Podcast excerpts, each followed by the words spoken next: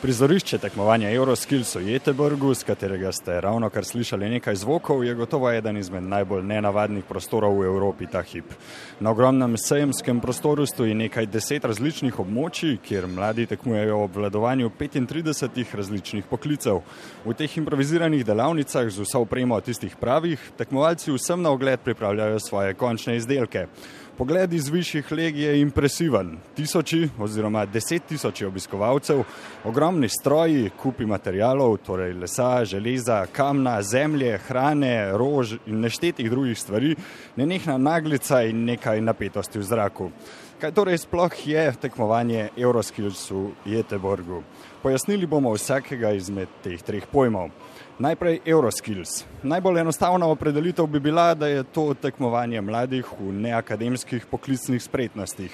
Letos jih tekmuje malo manj kot 500 iz 35 držav. Ob robu tekmovanja potekajo tudi predstavitve poklicev za obiskovalce, podjetja razstavljajo najnovejše tehnologije, tu so tudi delavnice, sestanki, okrogle mize in podobno. Vodja dogajanja je predsednik organizacije World Skills Europe, Hubert Romer. Firstly, uh, is, uh, Najprej, Euroskills je v prvi vrsti namenjen tekmovalcem. Zakaj oni ne bi imeli možnosti pokazati svojih poklicnih znanj, izjemnosti in talenta?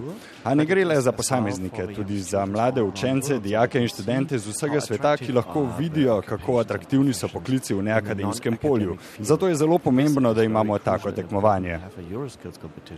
Iz Slovenije je na Euroskills prišlo deset tekmovalcev, celotna ekipa skupaj z mentorji, sodniki in organizatorji pa šteje 33 ljudi.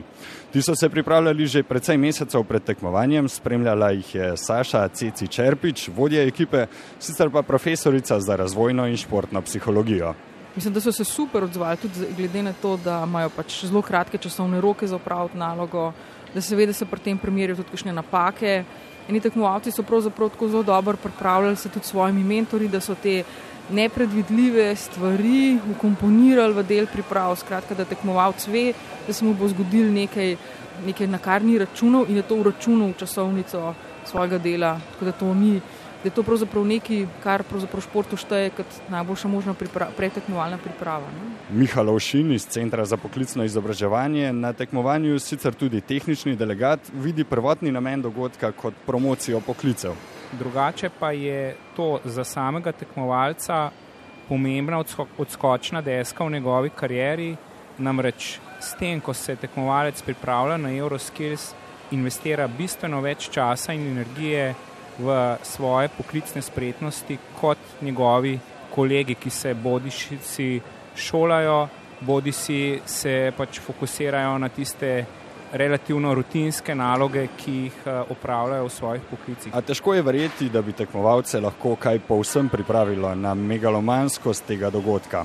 To povedo tudi oni sami, aranžerka Katarina Smuk in informatik Žan Črnivec. Nisem si niti zamislil, da da je to tekmovanje tako veliko, ker imaš res veliko panog. In tudi v sami moji panogi je konkurenca zelo močna eh, in ja, pro, proti pričakovanju. Nisem pa definitivno pričakovala toliko ljudi, ker dobesti, mislim, enostavno jih grem mem tebe, ne vem, kot 50 tisoč na dan in ker malo žiče narataš, ker te skozi gledajo. No. Jaz sem tak človek, da če mi nekdo gleda pod roke, še nekako bolj živčna ratam, tukaj pa res se naslonijo na tole, pa gledajo, pa so deset minut pa te, pa a delam kaj narobe ali ne delam nič narobe, kaj delam narobe. Ja. Zdaj pa k tekmovanju. Principi so pri vsakem poklicu drugačni, pravila so seveda prilagojena zakonitostim poklica. Lesari, kamnoseki, slikopleskari in nekateri drugi so denimo za nalogo vedeli že nekaj mesecev vnaprej, a vedeli so tudi, da lahko organizatori tudi v zadnjem trenutku spremenijo do 30 odstotkov naloge, tako da so morali na prizorišču vsaj malo tudi improvizirati. Po drugi strani pa cvetličarke vnaprej niso vedele skoraj nič, pravi mentorica naše tekmovalke Katje Podjet, Sonja Jarič Štefe. Vijo vnaprej samo materijale, katere naj bi dobili, pa še to smo zdaj ugotovili, da je malo sprememb. Sabo pa nesejo osnovno cvetličarsko urodje, kovček, katerega pregledajo, določene stvari, če niso skladne, jih še celo izločijo. Potem pa prvi dan so imeli priprave, na tekmovanje, se pravi, da prevzamejo cvetje, ga uskrbijo cvetje, danes zjutraj so podobali nalogom. Šest nalog bojo imeli za narediti v treh dneh. Podobno je bilo tudi s kuharji. Takole postopek razloži predstavnik Slovenije Izidor Kržišnik. Pravila so bila postavljena, živila, osnovna živila vemo, kje jih imamo, ampak en dan prej vemo, kje je glavno živilo za ribjo jed, za mesno jed. Eh, danes smo mogli pripraviti gelatino, eh, servirati smo mogli sedem glavnih ribjih jedi in pripraviti smo mogli uh, mizen ples za sladico. Vsak poklic je torej prenesel malo drugačen izziv. V nekaterih poklicih so lahko tekmovalci vnesli precej svoje kreativnosti, ponekod so morali vsi narediti enak izdelek, recimo v kamnoseštvu. Eden izmed tamkajšnjih sodnikov je tudi Jrnej Bortolato. Uh, končni izdelki so vsi ocenjeni uh, po merilu, se pravi, odstopanje od načrta je do milimetra dobiš točko do 2 mm je pol točke, ostalo je uh, nič točk. Uh, ocenjuje se potem uh, ravnine, ki so bile, na, narejene, vse te odstopanja, šablone. Tako da na tem izdelku je 150 meritev upravljenih in seštevek vseh teh meritev potem se pretvori v skupek eh, stotih točk, eh, katere potem vplivajo na oceno in rezultat. A tu je še ena bistvena sestavina, časovna omejitev. Zahteva osredotočenost in ker gre za zahtevne naloge, seveda prinaša tudi precej pritiska. Rok Maržič tekmuje v restauracijski postrežbi, torej na takarstvu, kjer sodniki tekmovalcem dobesedno vse čas gledajo pod prste. Ne vem, recimo šest ur se tekmuje, ampak v tem, tem še teh šestih urah recimo osem različnih točk, ki so individualne. Ljudje te gledajo, obiskovalci, sodniki in hočeš gledati na tiste vse malenkosti, ne? ampak zelo težko je biti 100%. A stališča osebno neopletenega opazovalca bi rekel, da ta stres na tekmovalce vpliva v glavnem pozitivno, med njimi ni čutiti kakšnih napetosti, prej nasprotno.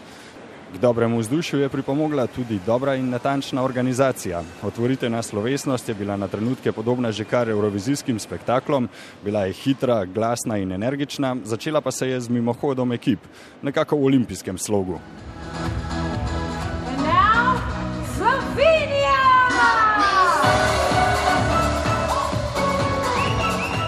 Tekmovalci se bodo zdaj počasi prelevili v turiste, tekmovalni del se bo namreč čez dobro uro končal. Strinjajo se, da je bila udeležba na tekmovanju koristna izkušnja. A, delanje pod pritiskom in pod um, časom. No. Res enostavno, čist malo časa in moš res veliko stvari narediti.